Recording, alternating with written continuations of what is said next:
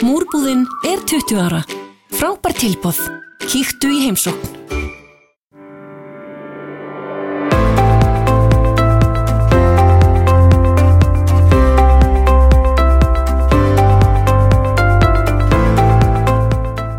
Ellefu frambóð verða á kjörsælunum í komandi borgarstjórnarkostningum. Í hlaðvarpi kjarnans fá kjósundur að heyra um stefnuflokkana með orðum oddvitana.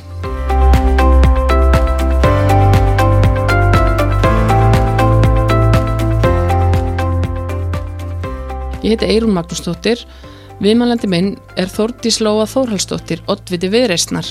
Við ætlum að ræða um borginu okkar. Velkomin. Takk fyrir það. Uh, mér langar að byrja á því að tala um leikskólana. Af því að þið hafið talað mjög mikið í viðreysn um leikskólamálinn. Hafið þetta verið í meir hluta núna sístu fjóru ár og haft tækifæri til þess að, að móta stefnu í þeim málum. Uh, en þið talið mikið um um, um að það hefur verið að þess að þið viljið rauninni breyta svolítið ekstra forminu á leikskólum eða auka segja, val um það hvernig þeir eru reknir. Segð mér aðeins frá þessu.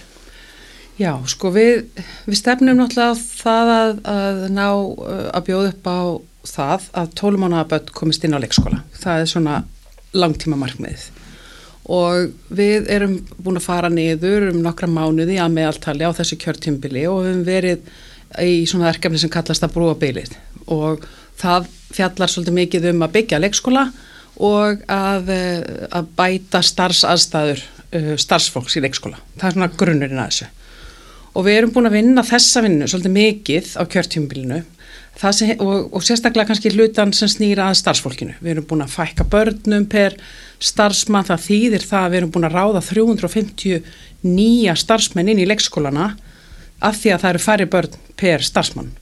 Síðan erum við búin að vera að vinna því að, eða semst í kjara samningum samþyktu við uh, lengri undirbúningstíma, við náttúrulega erum mikil svona talsmenn og talskonur styrtingu vinnuvíkunar og við erum búin að vera svona byggja svolítið undir ákveðna framtíð þarna. En það sem við viðreist viljum sjá að bætist við, það er uh, fjölbreytara rekstrarform, við viljum trúum því að það þurfi meiri kraft frá sjálfstæðum leikskólum til þess að koma inn. Uh, ef ég man rétt og þá erum við nú þegar búin að fjölga plásum um 133 uh, hjá sjálfstæðum leikskólum það sem afir þessu kjörtimbli sem er að ljúka núna á meðan við höfum fjölgað um 430 allt í hildina á þessu kjörtimbli þannig að við erum hann með eitt þriðja eða tæflega sem er hérna 20, rúmlega 20% sem er þá sjálfstæði leikskólar. Og ég held að það séu tækifæri þar Uh, við höfum uh, líka verið svona talsmenn þess að við skoðum aðeins meira uh, ekkert endilega ekstra formið, heldur líka hvernig við byggjum eða staðsetjum leikskóla. Við erum först í því að leikskólar eiga að vera byggingar inn í miðju hverfi með risastóra leikvelli Uh, nú segjum við ok, við erum að þjætta byggð okkur, förum við ekki eins og mörg nágranna lönd okkar, nágranna borgir okkar í það að vera með leikskóla á jarðhæðum í fjölbílishúsum uh, við getum tekið dæmi eins og í Bríetatúni þar sem við erum að opna ungbarnaleikskóla. Uh, við viljum sjá meira svona, það er að koma upp byggingareiti núna í framtíðinni í, við laugadalinn og Suðlandsbraut okkur skipulegjum við þá ekki leikskólana inn í það Það hefði til dæmis verið frábært ef við hefðum gert það í efstaleitinu og í hlýðarendanum. Skip, hver, hver veru náttúrulega skipleika þau fyrir löngu síðan.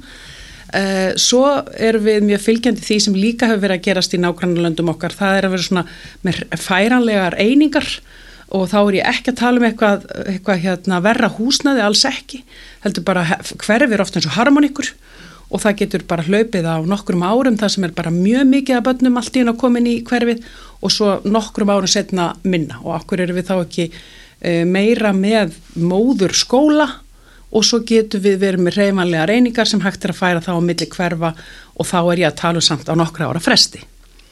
Og síðan er það kannski sem að það, það nýjasta á mörgum fyrst skrítið og það eru svona kallaða skólarútur, leikskólarútur sem að nágrannar okkar í Svíþjóð og Danmörku og Finnlandi og, og Nóri hafi verið að, að bjóða upp á. Það er fyrir eldstu krakkana og þá er það svona meiri, þá getur þau í rauninni uh, skipilagt leikskólastarfið, uh, öðru vísi inn í kjarnaleikskólanum og ákveðin hópur er þá í útivist, eða með rútunni og rútan er á ferð og það er svona ákveði mentunast í því.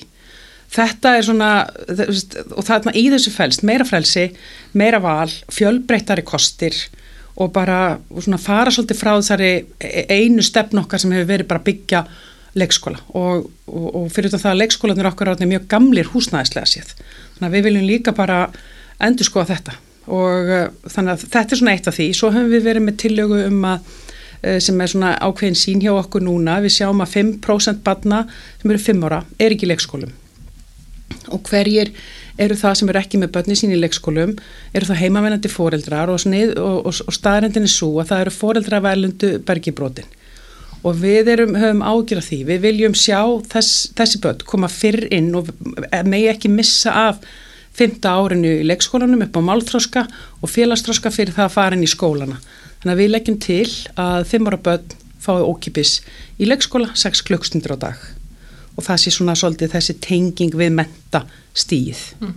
Þannig að þetta er svona stóra sínin, svo er bara heil mikið framöndan líka í að bæta starfsastæður en frekar. Uh, er þessi fjölbyrtileiki sem að svona samfélag myndi skapa og ekkit að þessu gerist á einum degi, þetta þarf allt saman ákveðna þróun og tekur tíma, mun, mun svona fjölbreyttara leikskóla umhverfi uh, gera leikskóla starfið áhugaverðara það er til dæmis svona eitthvað sem við sjáum að, að hérna er tækifæri og, en, en við erum með viðverandi leikskóla starfsmannavanda. Mm. En varandi þetta með að tólmána komist inn á leikskóla, það er rauninu búið að vera að ræða þetta allt kjörtjumabilið og þetta hefur ekki ennþá, við erum ekki ennþá komið þangað.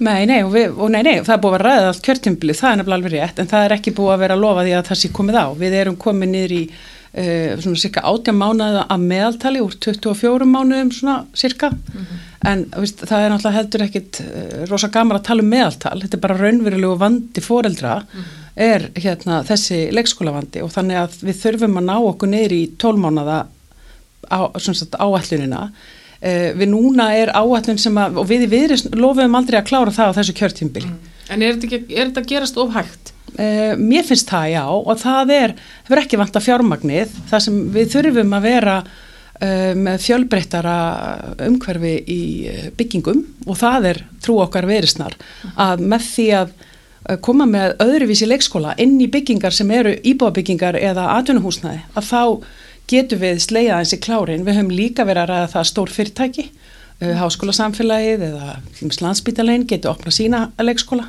mm -hmm. og, hérna, og þá er húsnæði mögulega eitthvað stað sem þau eru með ég held bara við þurfum að hugsa uh, í fjölbreyttara formi mm -hmm.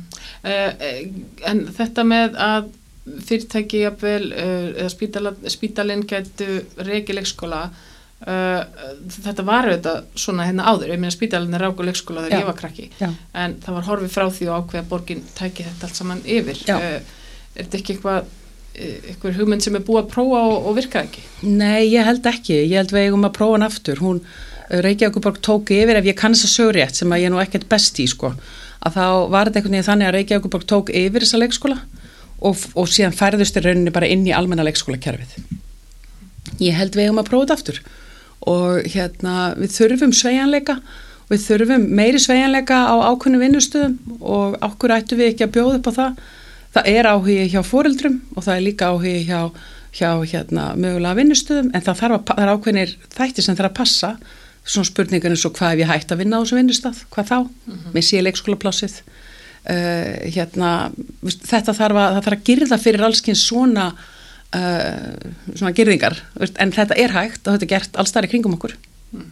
þannig að hérna, og þarna er líka hægt að vera með uh, lengri opnatíma, sveianlegri og þá eru við ekkert að segja það að börninni að vera lengur á leikskóla, heldur ertu bara með ákveðna klukkstundur á dag sem í dag er 8,5 uh, klukkustund mm.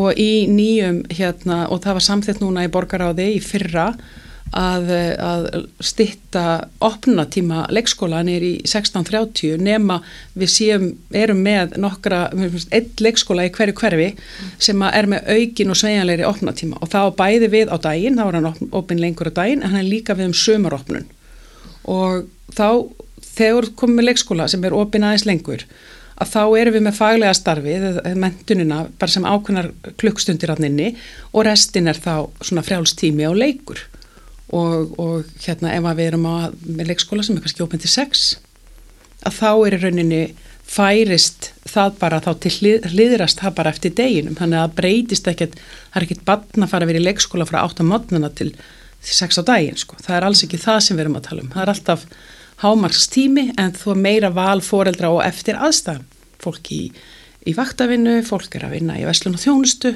og það er ekki allir búnir að vinna klokkan fjögur því meður, það bara, og það verður það ekki þrátt fyrir sko stýtningu vinnuvíkunar, þannig að við erum alltaf með þennan þennan sveiginleika og við þurfum einhvern veginn að mæta þetta líka, mæta þessu líka í leikskólanum. Mm. Uh, næsta skólasteg fyrir ofan leikskólan eru þetta grunnskólanir uh, og það eru þetta reysastort mál fyrir sveitafélagin að þið þurfa ekki grunnskólana en þið talið um að þið viljið uh, að fólk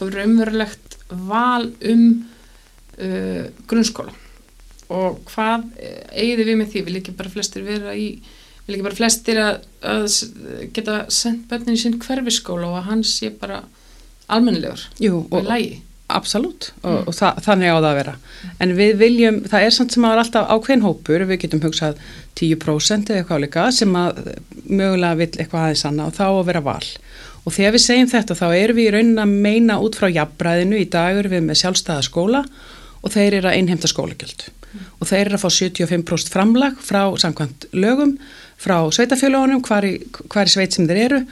Og við segjum af hverju fara sveitafélag ekki alla leið, borga þeim jafn mikið og þeir eru að borga sínum eigin skólum?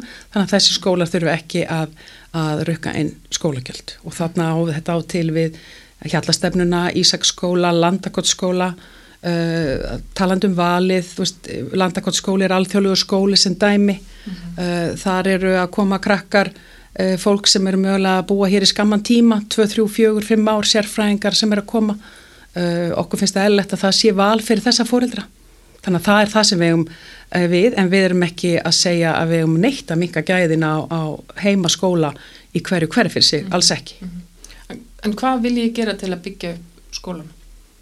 Við, við viljum auka þetta auka þetta val, við erum hérna og stóðum fyrir og það er nú verið meðal annars mitt verkefni á þessu kjörtjumbili að um, þróa vinnu við svo kalla grunnskóla líkan sem er fjárarslíkan sem við kallum fjárarslíkanið edda og ég veit þetta er nú kannski svona svolítið tæknilegt orðið og torveld en það sem kemur í ljós uh, á undarförnum árum er það að uh, við höfum ekki náð að uh, stilla skólana með rétt fjármagn eftir hrun að gríðalegu samdráttur sem fer eftir hrunin bæði í, inn í skólunum og í öllu viðhaldi og öllu. Við, og svo er verið að keira viðhaldið í gang og endur byggingu skóla og búið að setja mikla vinnu í það og, og það er allt komið á fleiðferð en við sjáum samt á úttæktinri endur skoða borgarnar að, að það er þurð í skólunum hvað var þar fjármagn og við vildum endurstilla það og endurstilla þýðir að skólanir eiga að fá fjármagn sem endurspegla það umhverfi sem þeir eru í, félagslega umhverfi sem dæmi, stærð skólana sem dæmi,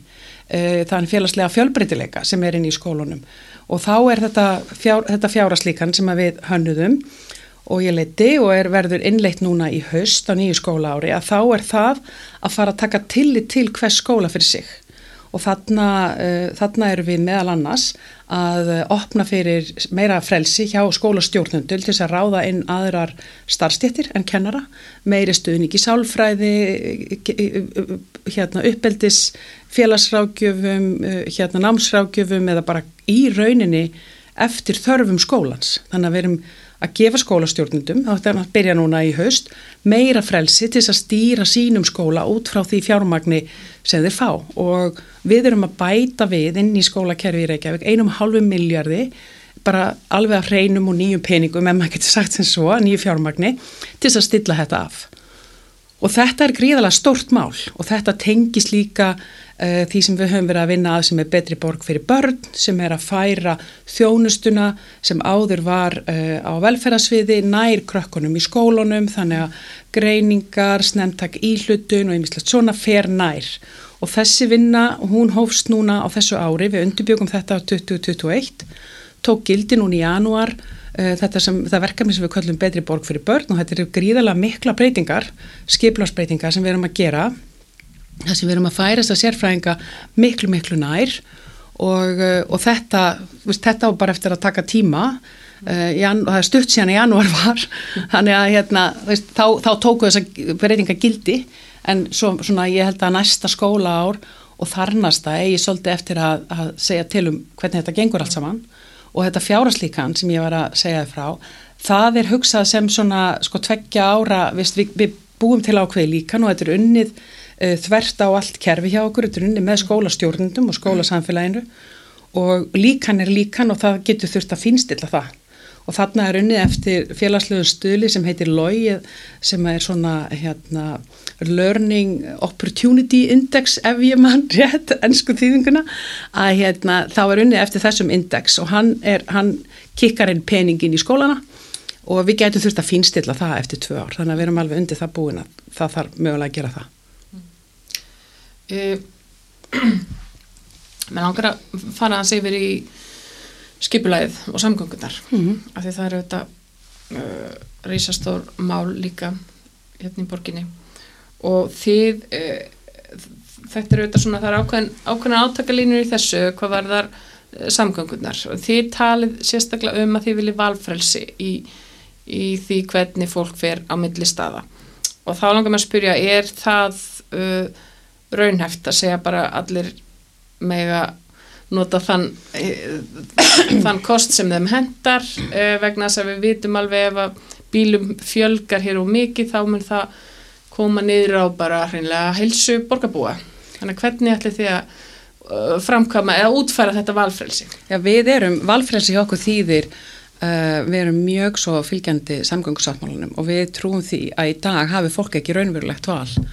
Ef við bjóðum ekki upp á hágæða borgarlínu eða hágæða almenningssamgöngur þá hefur fólk ekki val. Það bara verður að velja engabílin. Mm. Þannig að með því að bjóða upp á hágæða hérna, bus rapid transport eins og þetta heitir að, sem að borgarlínan kallast að þá, þá erum við í alvörun að bjóða upp á almennilegt val og líka hjólreðastígar upp hérna, lístir almennilega unnir og við viljum nefna á nöfnum þannig að þeir heiti bara eitthvað eins og götur. Þannig að þegar ég hjóla ofn úr árbæ uh, í vinnunaðinir í ráðhús að þá fari ég bara ákveðna götur alveg eins og því ég keiri miklubrautina eða tek stræt og miklubrautina nýri í ráðs þannig að veist, við erum mikið fyrir það að bara í rauninu hjólræða stígarnir verði bara samgöngu stígar og heiti bara nöfnum. Og við erum þegar að byrja á þessu.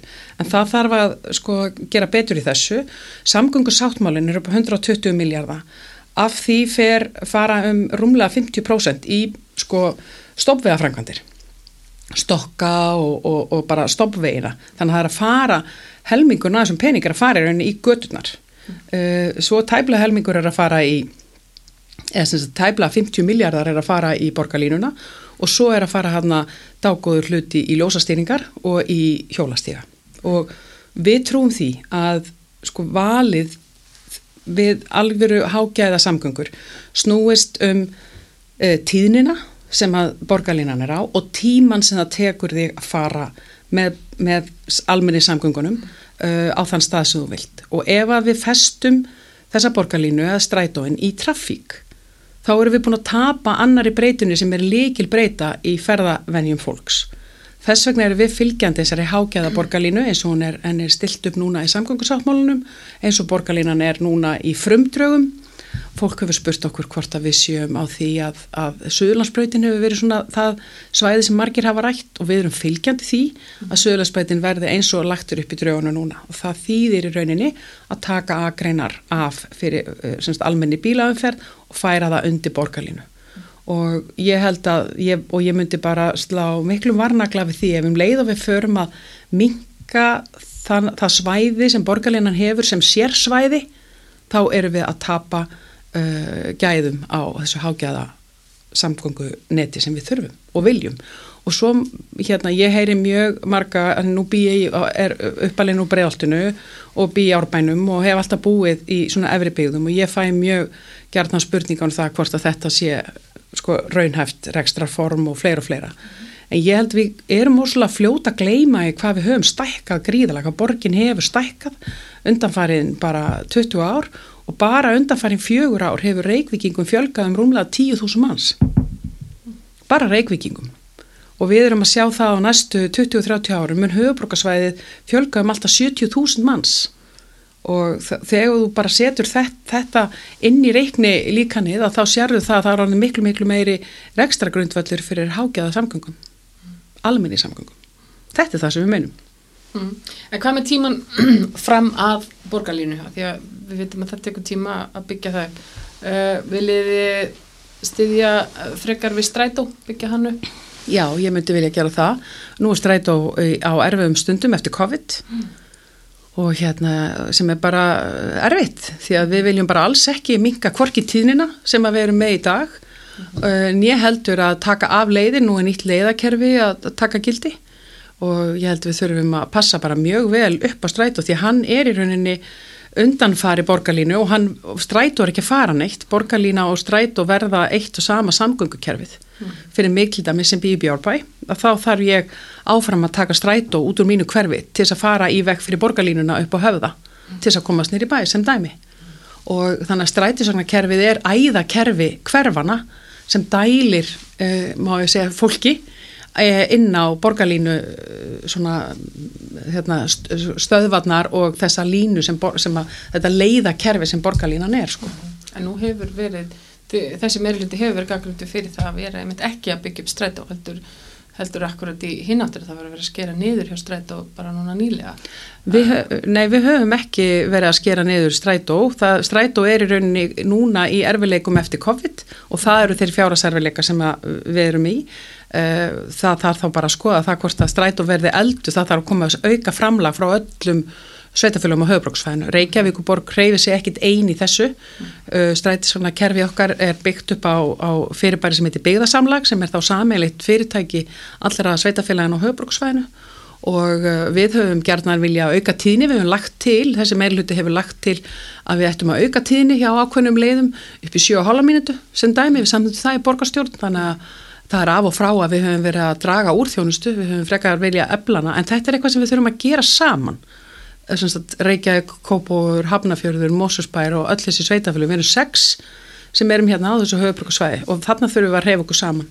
Og ég held við þurfum að finna lausnir þarna bæði á þessu fjáraskati sem að kemur eftir COVID uh, við, við stóðum hérna saman þjætt í COVID og dældum inn peningum til fyrirtækja og einstaklinga og, og til allskynns menningar hérna, stopnana sem dæmi, mér að Reykjavíkuborg stóð þétt við hörpu og, borgar, og borgarleikusið og tjarnabíó og fleiri hérna uh, svona menningar hérna stopnana og við þurfum bara að hugsa og að ræða það núna á opinskátt, hvað ætlum við að gera fyrir strætu og það er fleiri hlutir í strætu sem ég myndi vilja sjá að við tækjum samtalið um þessi sveitafélag á höfbrókusvæðinu á næsta kjörtjumbili og það er til dæmis annars, til dæmis nætustrætu ég meina, ætlum við ekkert að fara að ræða það að koma honum á aftur?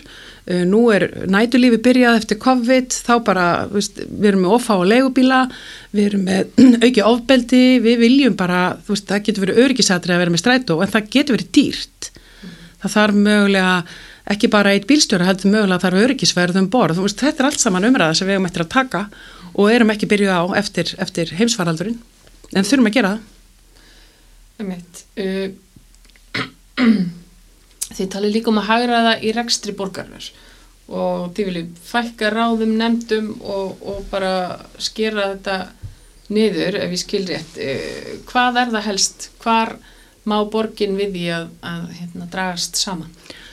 Við erum ekki að fara fram á niðurskur, nei, en við erum fara fram á hagraðingu.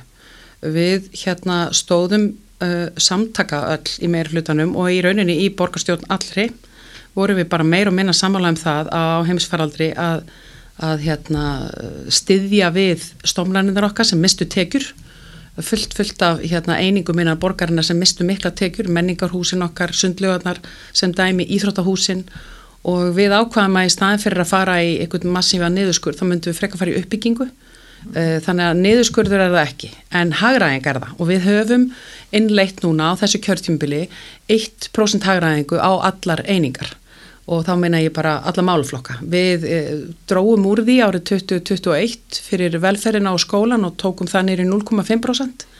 Við trúum því bara að það sé alltaf við eigum alltaf að vera á tánum, hér erum ofnbæra fjármunni að ræða, allir ekstra ræðilar hvað sem þú ert í sveitsettur hjá, hjá borginni, hvað sem út að reyka skóla eða, eða út að reyka búsetu þjónustu fyrir fatlaða eða heimahjúkurun eða hvaða er að þá hafi allir tækifæri til þess að kíkja inn í sín fjárasrama og, og spyrja sjálfa sig er ég, er ég að nýta fjármununa með sem bestum hætti? Eh, er, ég, er eitthvað sem ég þarf ekki að vera að gera sem að gamli tímin let mig gera og en ég er samt enn að gera?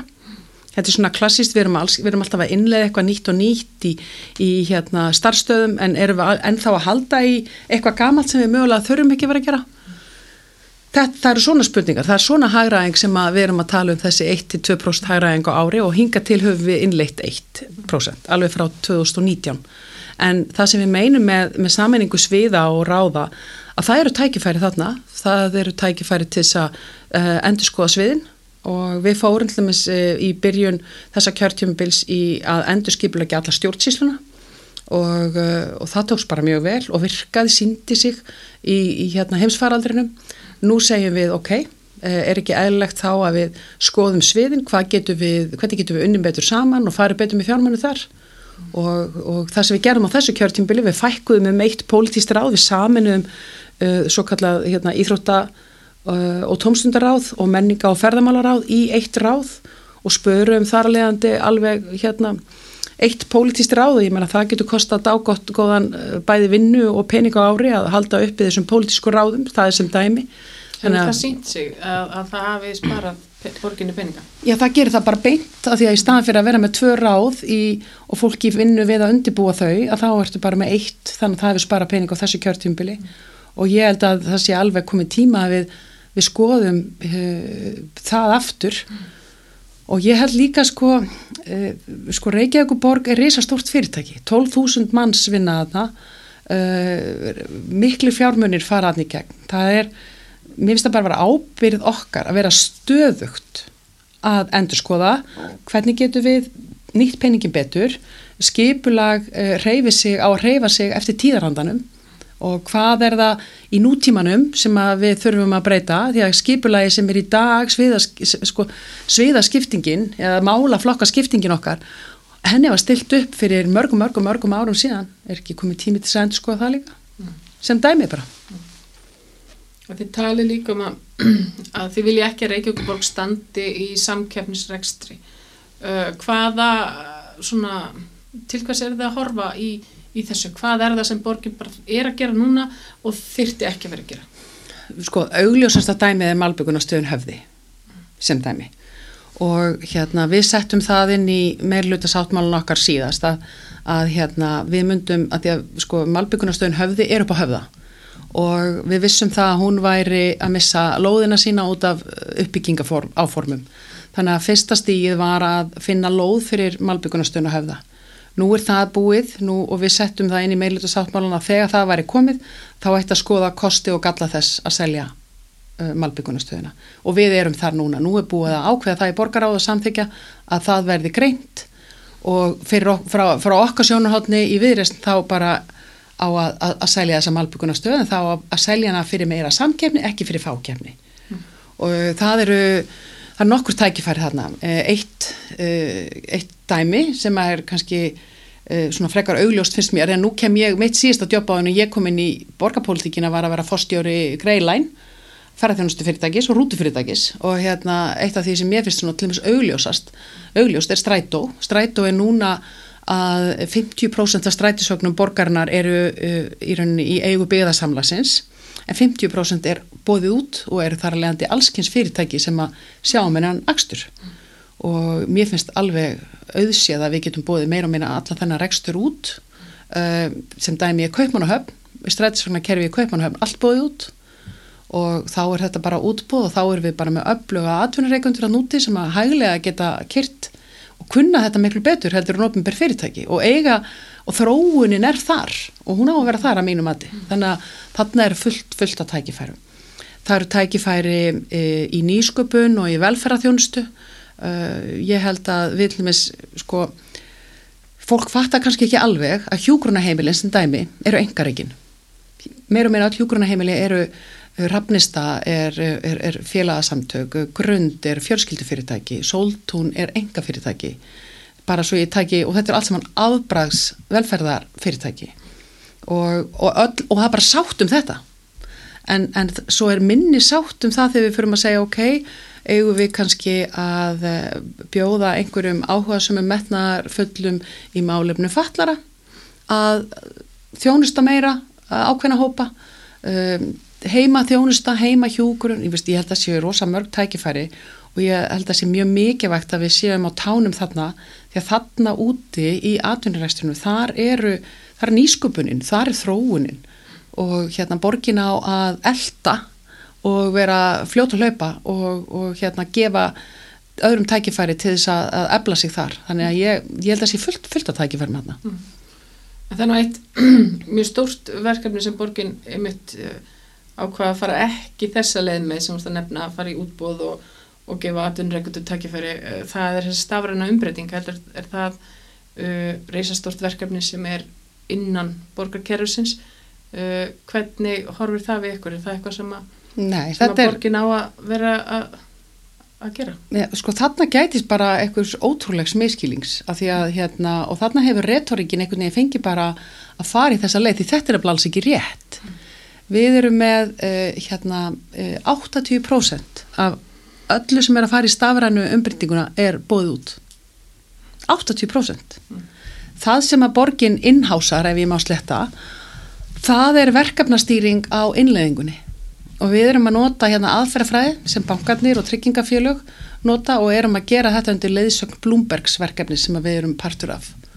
Þannig að hérna, þetta er bara svona raungur retorík, þetta er bara ekki rétt og við erum búin að uh, reyna að koma þessum skilabóðum út í greinum og í viðtölum en það er einhvern veginn virðist ekki vera hlustum fyrir því. Þannig að 80% af því til þess að vera algjörlega með það korrekt þar á 78,89 sem fara í útbóð hvort sem það er hugbúnaður uh, tækjaþjónusta uh, þróun það er meir og minna allt saman öllu útýst en, en borgin alltaf er stór og ég skil að markaðurinn hafi verið svolítið sjokkurar þegar þurfti að ráða marka verkefnustjóra til þess að innlega þetta. Og það er það sem ég get vel skilið að sitja fólki. Eh, það eru 60-60 mann sem eru ránir inn til borgarnar í tímabundi verkefni að innlega þetta. Og það er bara tímabundi verkefni, þetta er ekki fólk sem er komið til að vera uh, í þessum stöðum áfram. En, hérna, en að því að Reykjavíkuborg er bara það gríðalega stór vinnustæðar með 12.000 manns og óbúslega margar útstöður þá þarf marga verkefnastjóra sem sérhafa sig í þeim verkefnum í þeirri þjónustu sem er í, í, á hverju málaflokki fyrir sig. Þannig að ég hefði aldrei samþygt.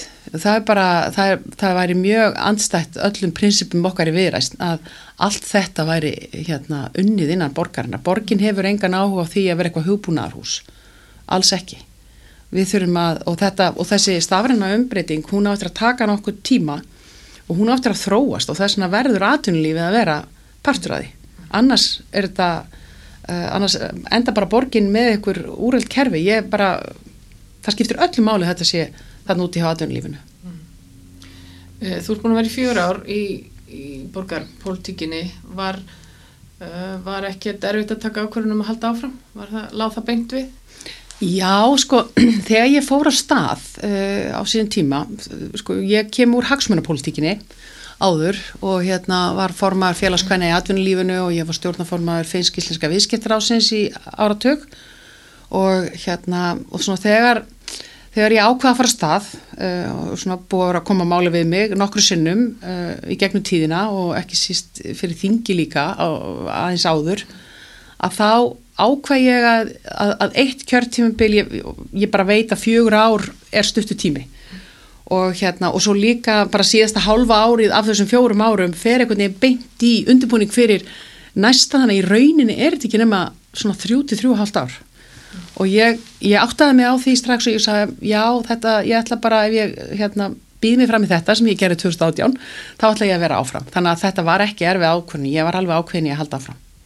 Og fór í prófkjör og, og mikið stuð. Vartu bjart sín?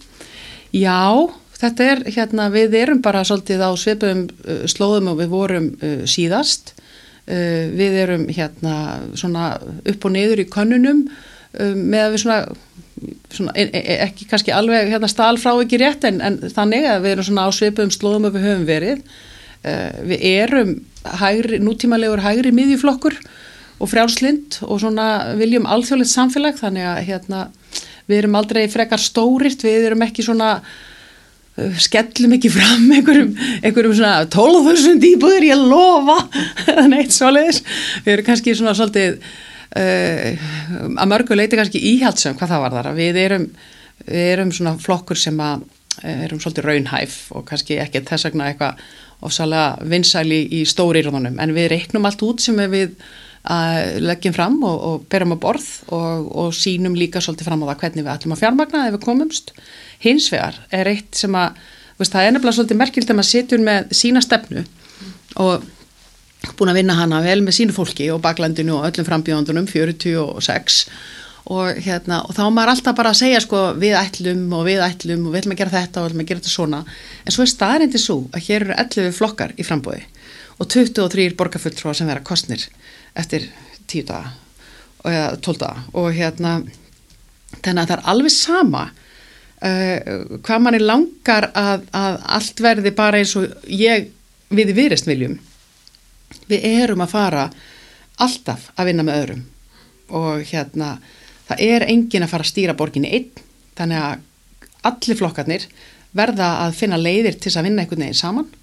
Og þá byrjar málameilinin og, og það er bara það sem við þurfum að læra í íslenskri pólitík, það er bara hérna flókið og við, við sem bara fólk líka þurfum að læra það að pólitík er málameilin og árangurinn er málameilin en hún má ekki vera eitthvað móð, hún verður sem að vera alvöru sko. Mm -hmm. og hérna þess vegna segjum við sko að við viðrist höfum skýra sín uh, og við höfum það, við viljum sjá hérna nútímalega og skemmtilega og alþjóðlega borg fyrir alla og hérna en við vitum alveg að þegar að kemur að því að, að tala saman eftir kostningar að þá þurfum við öll að finna eitthvað svona sameilan kjarna og halda þar, halda okkur við það. Mm.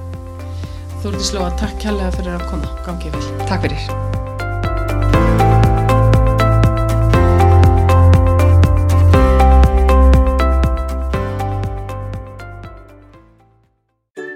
Allt fyrir vorverkin, múrbúðin, gott verð fyrir alla, alltaf.